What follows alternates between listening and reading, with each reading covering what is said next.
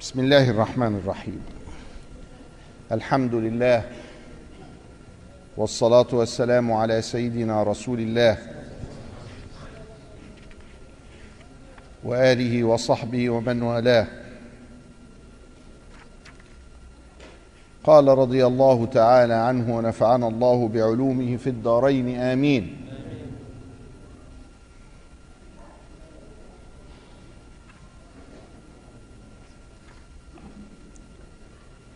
العارفون إذا بسطوا أخوف منهم إذا قبضوا ولا يقف على حدود الأدب في البسط إلا قليل الله سبحانه وتعالى هو المعطي والمانع وهو القابض والباسط والقبض والبسط قد يكون في الحس في الجسم في الشعور في العقل في الروح. فقد يجد الإنسان نفسه مسرورا فيكون في حالة بسط. وقد يجد نفسه حزينا فيكون في حالة قبض. والله كريم. فكل ما كان من سبيل القبض جزيت عليه. وكل ما كان من قبيل البسط فإما أن يكون جزاء لك وعطاء من ربك يستوجب الشكر وإما أن يكون امتحانا وابتلاء ولذلك العارف بربه وشأن ربه سبحانه وتعالى إذا حدث له القبض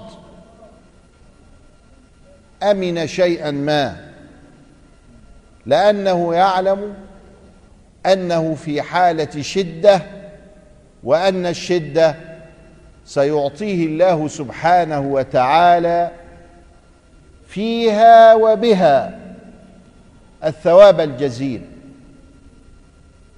أما الذي هو في حالة البسط وكان من العارفين بالله فإنه لا يعلم.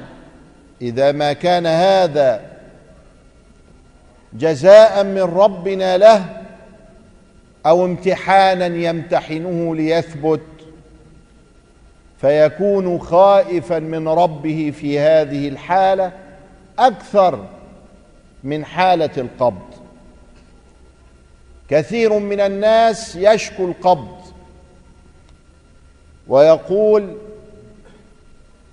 أنا متضايق أنا تعبان أنا مش لاقي نفسي أنا بدور على حاجة ما أناش لاقيها وعايز أروح حاجة مش عارف أو يبقى ده حال قبض ويبقى فيه ثواب لو كان عارفا ما هو مش عارف بالله فهو فاكر إن هو في حيرة وتعب ونكد لكن لو وصل بقلبه إلى المعرفة بالله لاطمأن شيئا ما مش يطمئن كل الاطمئنان لأنه لا يأمن مكر الله إلا القوم الخاسرون. ولذلك هذه الحالة لا تيأس منها. ولا تحزن عليها. وانتهزها فرصة. وافهم عن ربك أن هذا باب رزق لك وإن كان هو حال شدة ولأي لأي يعني إيه؟ ضيق. من اللأواء. فشوف إزاي. كلام نفيس كلام شخص قد جرب الطريق مع الله وكلام شخص فهم عن الله مراده. يا سلام لو أفهمنا الله مراده. تقوموا من الدرس هنا وانتوا فاهمين وبعد كده بتاع ساعتين تنسوا. لسه ما وصلتوش إلى مرحلة العارفين بالله. هتوصلوا إن شاء الله.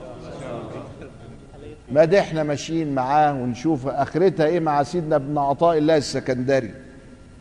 واللي ماشي مع الصادقين يحصل له إيه؟ يوصل. يا سلام. يا سلام. أهو ده كان وهابي سبحان الله. بيتكلم دلوقتي عن النفحات. ما شاء الله. اضحك. اضحك بلاش كده لحسن. عملية صعبة أوي. قال رضي الله تعالى عنه وأرضاه لحالة القبض. العارفون إذا بسطوا أخوف.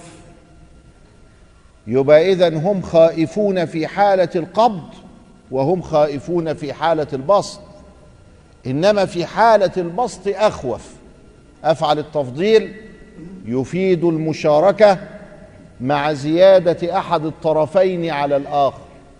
يفيد المشاركة يعني إيه؟ يعني الخوف حاصل في القبض والبسط معا. لأنه لا يأمن مكر الله إلا القوم الخاسرون.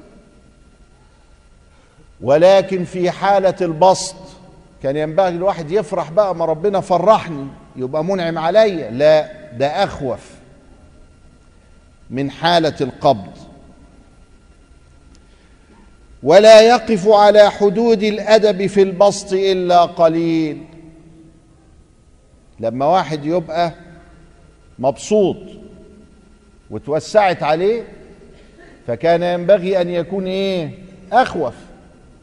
إيه رأيك إن الأخوف ده هو القليل.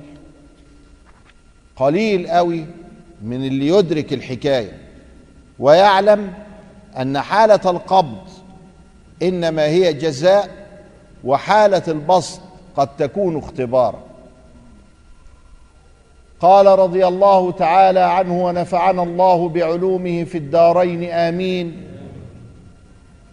البسط الفرح والسرور والانفراج.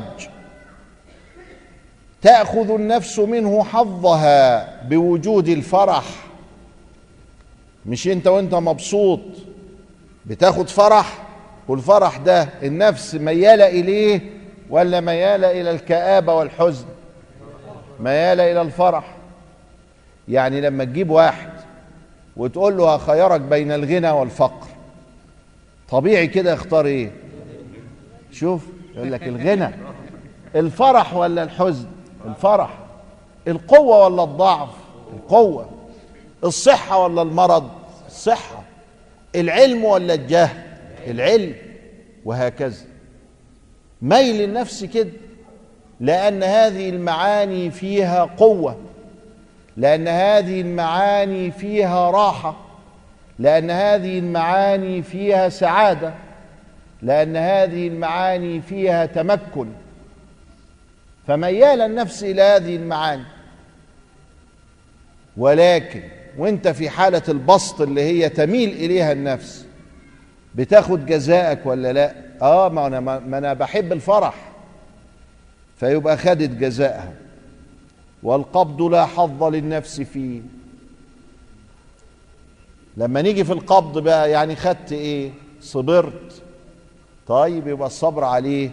حاجة تانية بقى إن الله مع الصابرين. المعية دي حاجة عالية قوي لأن مع تدخل على العظيم فكأن الله الله قد عظم الصابرين لأنه خلى فيها هذا المعنى الجليل.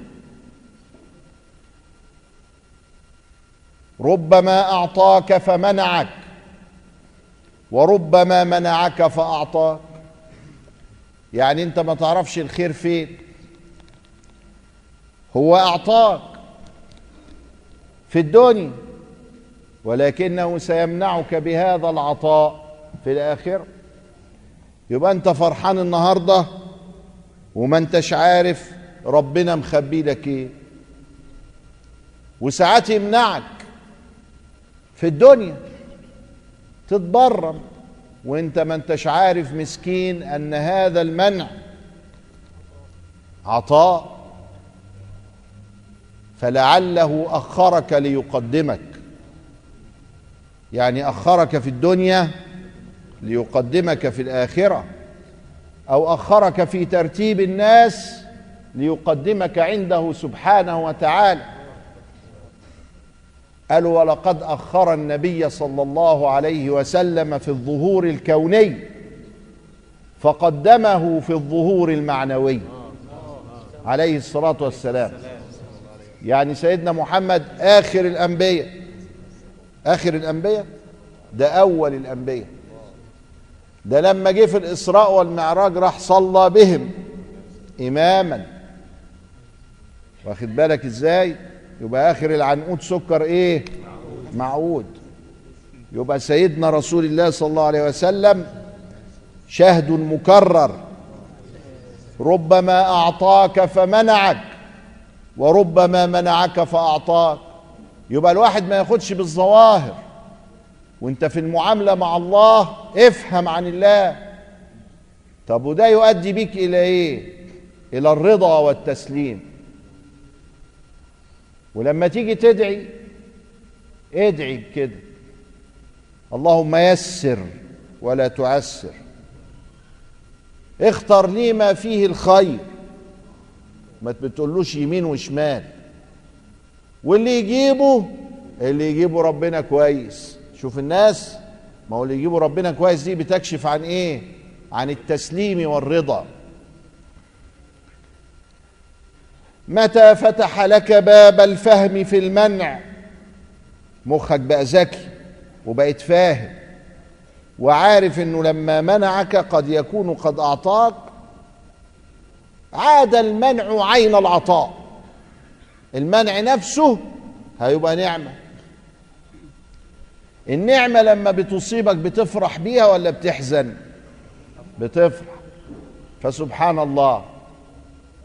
يمنعك فتفرح. انت دعيت.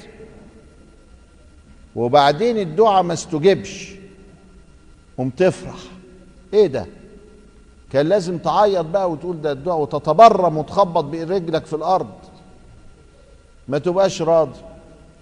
لو فهمت عرفت أن هذا المنع لو رضيت به وسلمت أصبح الرضا والتسليم هو عين العطاء. متى فتح لك باب الفهم في المنع وعرفت يعني إيه منع وتعاملت معاه معاملة الأكابر العارفين بالله حتى ولو لم تكن منهم حتى ولم تتحقق بأخلاقهم إذا كنت كذلك تحول المنع في ذاته إلى عين العطاء. وكان نعمة لا نقمة. فاللهم افتح علينا باب الفهم لمرادك من خلقك يا أرحم الراحمين. وافتح علينا فتوح العارفين بك. ولا تجعل نفوسنا حائلا بيننا وبينك. قال رضي الله تعالى عنه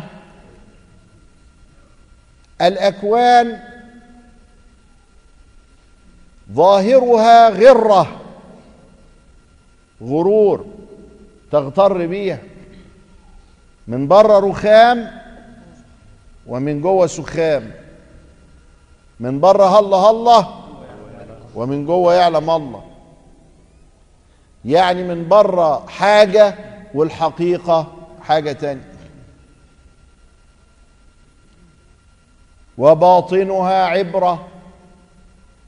لو قعدت انت بقى وتأنيت وفهمت الكلام على وجهه وما وراءه قم على طول تاخد العبرة من كده.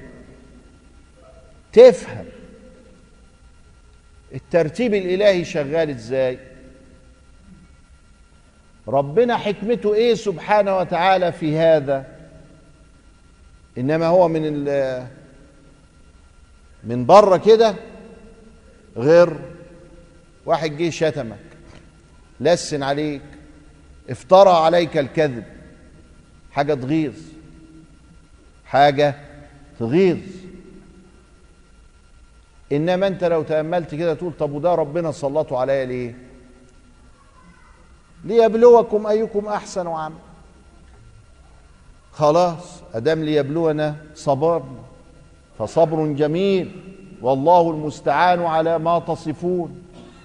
قم تفوض أمرك لله وتعفو وتصفح فاعفوا واصفحوا حتى يأتي الله بأمره. إن الله على كل شيء قدير. قم تلاقي ربنا سبحانه وتعالى فهمك العبرة لما تهدي نفسك كده. وحول ألسنة الخلق عنك بعد ما كانت عليك. طب ما عملها عليا ليه الأول؟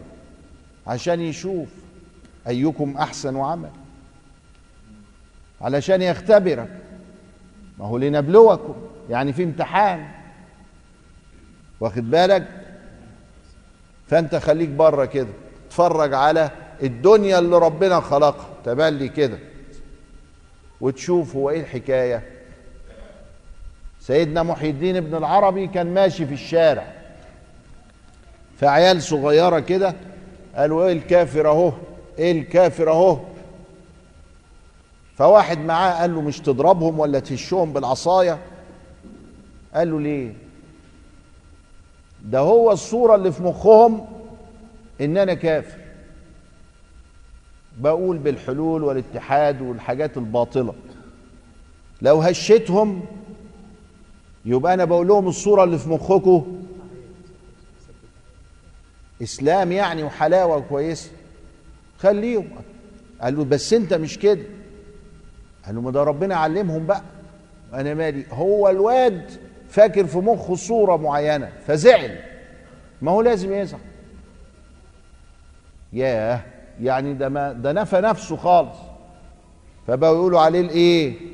الإمام الأكبر والكبريت الأحمر. ليه؟ ما هو الناس قاعدة متسلطة عليه بالشتيمة ومتسلطة عليه بقول الباطل كما قالوا عزير ابن الله والمسيح ابن الله. ما هو كله ده ثواب لسيدنا عزير وسيدنا المسيح؟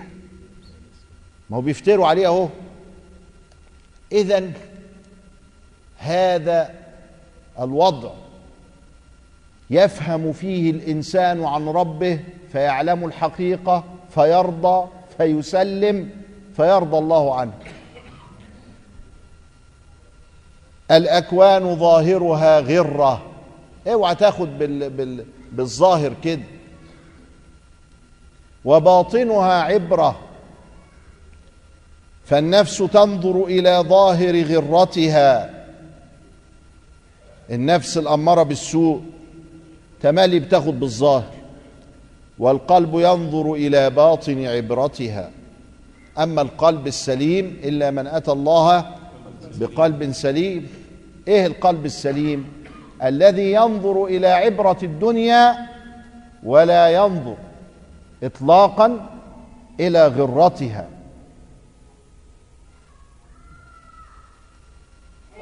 قال رضي الله تعالى عنه إن أردت أن يكون لك عز لا يفنى فلا تع فلا تستعزن بعز من يفنى أو بعز يفنى. موجود عندكم إيه؟ بعز يفنى. الله هو الباقي جل وجه الله. كل من عليها فان ويبقى وجه ربك ذو الجلال والإكرام. اذا إذا أردت عزا لا يفنى يبقى لازم يتعلق قلبك بمن لا يفنى. أما إذا تعلق بعز فان أو بعز من يفنى إن كان عز من يفنى يسمى عزا وإن كان العز الفاني يسمى عزا فإنه سيفنى. لو خيروك بين إناء من الذهب عيار 24 مشغول شغل راقي يفضل معاك على طول. في ملكك وبين قله مكسورة ومطينة بطينة وإذا مسكتها خمس دقايق هتدوب في ايديك تختار إيه؟ القلة؟ ها؟ قال اختار القلة. أهو ده الإنسان اللي ربنا خلق على ما هو كده عليه بعبله كده. واخد بالك؟ هو دي كانت لا فيها شرب ولا فيها دي حتة شقفة فخار تعبانة مش هتبقى في إيدك ثلاث دقايق والدوب تبقى تراب. ومن العاقل يختار إناء الذهب ده علشان يروح يبيعه. يسيحوا ويعملوا غويشة. يا ناصح. ولكن اللي يتحول. أهو الدنيا كده أهو الناس عاملة كده. لابدين في عظمة ما فيهاش حتة لحمة. عظمة ما فيهاش لحم. وسايبين الهبر كلها. الهبر بتاعت إيه؟ هبر يعني إيه؟ لحمة. ما بتاكلش لحمة؟ اكتب هبر يعني لحمة. جمع هبره هبرة؟ عندكم كده في بولاق؟ هبرة.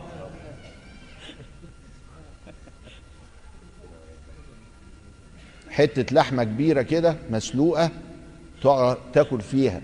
اسمها هبرة. خلاص؟ والعيال في بولاق بيقولوا عليها هبرة. وجمعها هبر. نعم. واحد بيقول اللهم كرمنا. يعني ساب من كل الحلاوة اللي بنقول فيها ومسك في حتة الهبرة بتاع آدي يا عم الإنسان. آدي الإنسان. أكل شرب لبس نوم وخلاص. تعرفش إيه الحكاية؟ ما تعرفش. إن أردت أن يكون لك عز لا يفنى فلا تستعزن بعز يفنى. قال رضي الله تعالى عنه ونفعنا الله بعلومه في الدارين آمين. الطي الحقيقي أن تطوي مسافة الدنيا عنك. حتى ترى الآخرة أقرب إليك منك. ساعات يحصل لل أهل الرياضة حاجة بتسمى طي الزمان وحاجة بتسمى طي المكان. طي المكان مرة واحد من شيوخنا وهو في بداية الطلب كان هنا في شارع الأزهر ماشي ترماي الصغيرين فيكم ما يفتكروهوش. اللي فوق السبعين يفتكروه. ماشي ترماي هنا في شارع الأزهر ده كده. فبيقول لي إنه ركب فيه عشان يروح الجيزة. الترماي عبال ما يروح الجيزة يبقى فيها ساعة إلا ربع ولا حاجة. ونزل من الناحية التانية لقى روحه في الجيزة. هم ده بيسموه إيه؟ طي المكان ربنا طوى له المكان. أو طي الزمان. يعني ما خلاهش يشعر بالتلات ارباع ساعة. أول حاجة اللي تاخد تلات ارباع ساعة خدت دقيقة. طب وده إيه ده؟ ولا حاجة. خارقة من خوارق العادات. تفيد إيه يعني؟ ولا حاجة. بتحصل للهندوك وبتحصل للرهبان النصارى في أديرتهم وبتحصل لأولاد الطريق عندنا في الطرق الصوفية وبتحصل لبتوع التبت. الحاجات دي. وفي ناس بتطير في الهواء وفي ناس بتمشي على المية. وأهل الله بيقولوا إيه؟ إذا رأيت الرجل يطير في الهواء أو يمشي على الماء فأعرض أمره على الشرع. فإن وافقه فذاك. تبقى كرامة. وكرامة يعني؟ ولا حاجة. قال كنا نستحي من الكرامة كاستحياء البكر من دم حيضها. يعني كانوا بيتكسفوا إنهم يحصل لهم كرامة. وكرامة يعني إيه؟ أهو ربنا بيشجعك. والكرامة تكون للسالكين في أول الطريق. فإن بلغوا مبلغ الرجال انقطعت الكرامة. القطب ما عندوش كرامة اللي هو الراجل الكبير. لا كرامة له. ترك الكرامة لله. ها؟ خر قلبه ساجدا لله فلم يقم. مفيش كرامة كرام ده عشان. عشان يحايل بيها العيال الصغيرة. فمعنى إن عليك كرامة معناته إن أنت لسه إيه؟ لسه صغير. بيشجعك يعني. عشان تصبر. عشان تمشي عدل. عشان تعمل حاجات كتير. فطي الزمان وطي المكان من الكرامة. الشيخ عبد الوهاب الشعراني واحد كان عنده المدونة لمالك. المدونة كم مجلد؟ ثمان مجلدات كبار كده. فالشعراني استلفها منه بعد العشاء.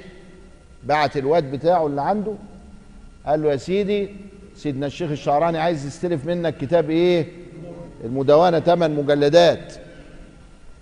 وجوه على الفجر وهم رايحين المسجد رجعها له.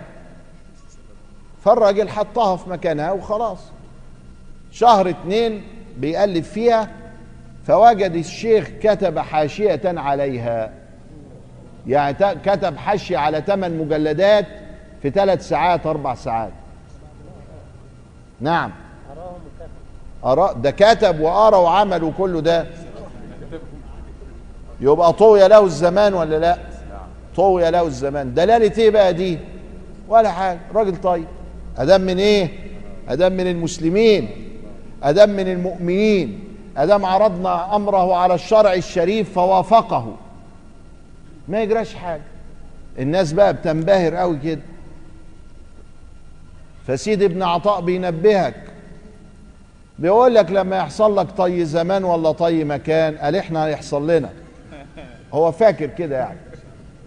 لا حصل لك. ما تغترش. مش هو ده الدين. أمال إيه الدين؟ قال الطي الحقيقي. مش طي الزمان وطي المكان والكرامات والبتاع وكذا. عايز تعرف إيه الطي الحقيقي؟ قلت له آه. أن تطوي مسافة الدنيا عنك. مش تطوي مسافة الأرض يعني. وتركب من هنا تطلع في الجيزة. ما نوصل الجيزة على أيام ما نوصل ما يجراش حاجة. لكن الطي الحقيقي إنك تخرج الدنيا من قلبك. الطي الحقيقي إن مسافات الدنيا دي وتعلقاتها الشديدة تنتهي. وتطويها يعني تنهيها. مش أنت أنهيت المسافة من هنا للجيزة؟ لا. الطي الحقيقي أن تطوي وتنهي المسافة بتاعت الدنيا اللي في قلبك. يبقى تخرج الدنيا من قلبك. حتى ترى الآخرة مش حتى ترى الجيزة. لا لما طوينا مسافة الدنيا قربنا لإيه؟ للآخرة. أقرب إليك منك. يبقى على طول شايفها كده عايشها. واللي يعيش الآخرة ده يحصل له إيه في الدنيا؟ ما يعصيش. ما يكسلش عن الطاعة. تملي عايش مع ربنا. ما ينساهوش. ده حاجة حلوة قوي وبسيطة قوي بس صعبة قوي ولقد يسرنا القرآن للذكر. ده في ذاته كده. فهل من مدكر؟ تلاقي أبدا. الناس اتخذت القرآن ظهريا. قال رضي الله تعالى عنه ونفعنا الله بعلومه في الدارين آمين. العطاء من الخلق حرمان. يديك ويمن عليك ويعايرك بيه ويبص لك كده مش عطيتك؟ ربنا سبحانه وتعالى عندما ينظر إليك ينظر إليك بنظر الرحمة. مش بنظر المن وهو أحق بالمنة. إنما الأمور مقلوبة والشرع جاي يعدلها. العطاء من الخلق حرمان. قال لك ربنا ما يحوجك لحد. لأنه لو أحوجك إلى أحد يبقى هو حرمك. وبيقول لك طب أنا مش هديك روح اطلب بقى روح شحت بقى من الناس. وتسول أمرك منهم. ما دمت مش راضي تتوكل حق التوكل على ربك. فروح بقى بحولك وقوتك. فمرة يصدوك ومرة يعطوك ومرة يهشوا في وشك ومرة يقفلوا الأبواب أمامك. الله وكله ده بإذن الله. أيضا يعني ما انت سايب ربنا وراك. خد بقى. ولذلك كان من دعاء الصالحين اللهم لا تكلني لنفسي طرفة عين. ولا أقل من ذلك. فما بالك بقى أن يكلك لغيرك؟ إلى من تكلني؟ إلى عدو ملكته أمري؟ فيسأل النبي صلى الله عليه وسلم الاستعاذة من الله في هذا الشأن. العطاء من الخلق حرمان والمنع من الله إحسان. ومنت بقى لو اتعكس الأمر في قلبك عظمت المعطي من البشر وقلبك يبقى شايل من ربنا والعياذ بالله تعالى إذا منعك. وده غلط. ده أنت لما ربنا يمنعك فهو إحسان لك. فلا بد عليك من أن تعيش هذا الإحسان بالشكر وتعيش هذا الإحسان بالحمد. وتعيش هذا الإحسان بالسجود لله رب العالمين وبالطاعة. قال رضي الله تعالى عنه جل ربنا أن يعامله العبد نقدا فيجازيه نسيئا يبقى لك الشكر ممنوع والزعل مرفوع. أنت بتروح وتقدم الحاجة في وقتها لربنا فبتصوم الشهر اللي قال لك صومه. وبتصلي الصلاة اللي قال لك صليها ربنا ما يأخرش لك دعاء. ويكرمك. ويديك فورا زي ما بتدي فورا. كذلك لا تؤخر قلبك عن التوكل عليه والرضا والتسليم بأمره فإن فعلت أعطاك فورا. طب وأنت لو فعلت هيحصل إيه؟ ما أنت راضي بكل حاجة. راضي بكل حاجة.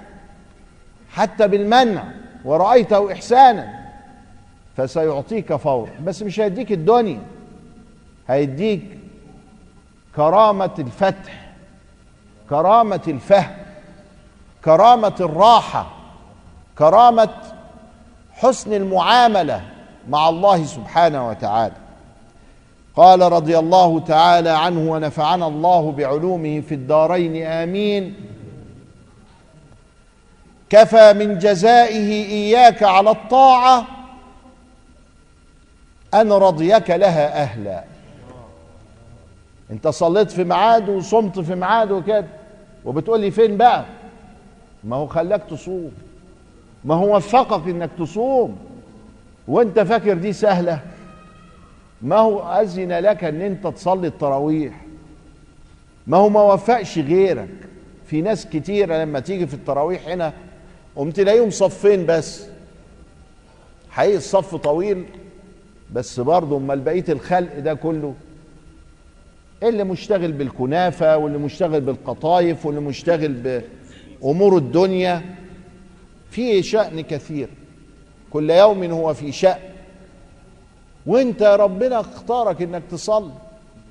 فاحمد ربنا. العطاء بتاعه في أنه قد وفقك وجعلك أهلا للعبادة في ذلك فافهم. فاللهم يا ربنا فهمنا مرادك من خلقك وأعنا على ذكرك وشكرك وحسن عبادتك واهدنا فيمن هديت وعافنا فيمن عافيت وتولنا فيمن توليت وأحسن خاتمتنا يا أرحم الراحمين. اللهم يا رب العالمين افتح علينا فتوح العارفين بك. اللهم ثبت حبك وحب نبيك في قلوبنا وحبب لنا الإيمان. وزينه في قلوبنا. وكره لنا الكفر والفسوق والعصيان. واجعلنا من الراشدين ومع القوم الصادقين ومن المتقين. وانصرنا على القوم الكافرين. واهدنا واهد بنا. وأصلح حالنا وهدئ بالنا واجمعنا على الخير في الدنيا والآخرة. يا رب العالمين.